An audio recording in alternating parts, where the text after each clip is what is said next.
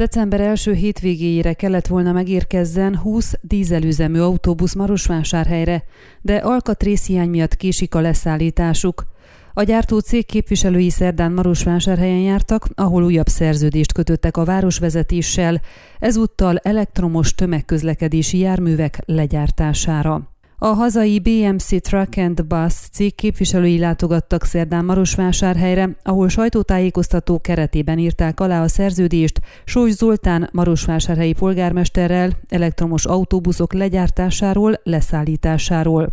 A szerződés értelmében 15 elektromos autóbusz érkezik Marosvásárhelyre, valamint 5 gyors és 15 lassú töltőállomás létesül.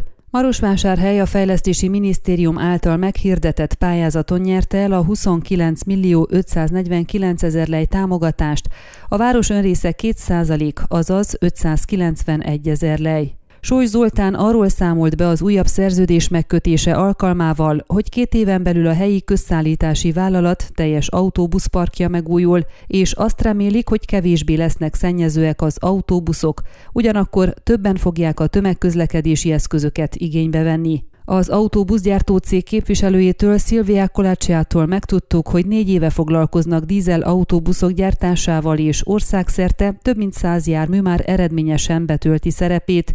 Jövő tavasszal fognak neki az elektromos autóbuszok gyártásának, amelyek esetében biztosítják majd a csere alkatrészeket és a szervizelést is. Marosvásárhelyre 10 méter hosszúságú autóbuszokat fognak hozni, valamint lassú és gyors töltőállomásokat telepítenek. Ez utóbbiakat a végállomásokhoz helyezik el, míg a lassú töltőállomásokat a közszállítási vállalat székhelyére. A szerződés értelmében az elektromos autóbuszok közül az első egy év múlva érkezik, míg 2023 nyaráig mind a 15-öt leszállítják majd. Mivel ezzel a céggel a városnak már van egy szerződése, amelynek értelmében idén december elejére 20 dízelautóbuszt kellett volna leszállítsanak, megkérdeztük, hogy mikorra várhatók a járművek. Szilvia Kolácsia elmondta, hogy egy Angliából megrendelt alkatrész jelentős késése miatt nem tudták a megígért időpontban leszállítani a járműveket. Az alkatrészek megjöttek, hétfőn már a gyárból az Ilfov megyei székhelyünkön lesz az első autóbusz, és azután követi a többi is.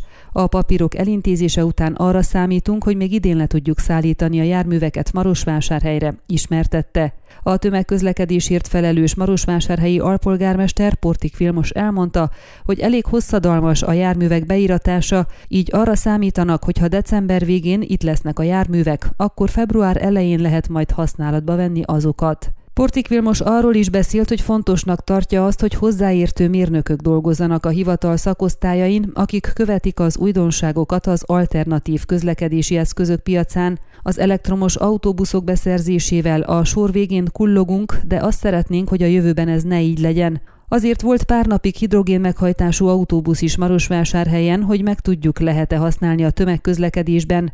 Figyelni akarjuk az újításokat, újdonságokat és alkalmazni azokat, összegzett. Ön a Székelyhon aktuális podcastjét hallgatta. Amennyiben nem akar lemaradni a régió életéről a jövőben sem, akkor iratkozzon fel a csatornára, vagy keresse podcast műsorainkat a székelyhon.pro portálon.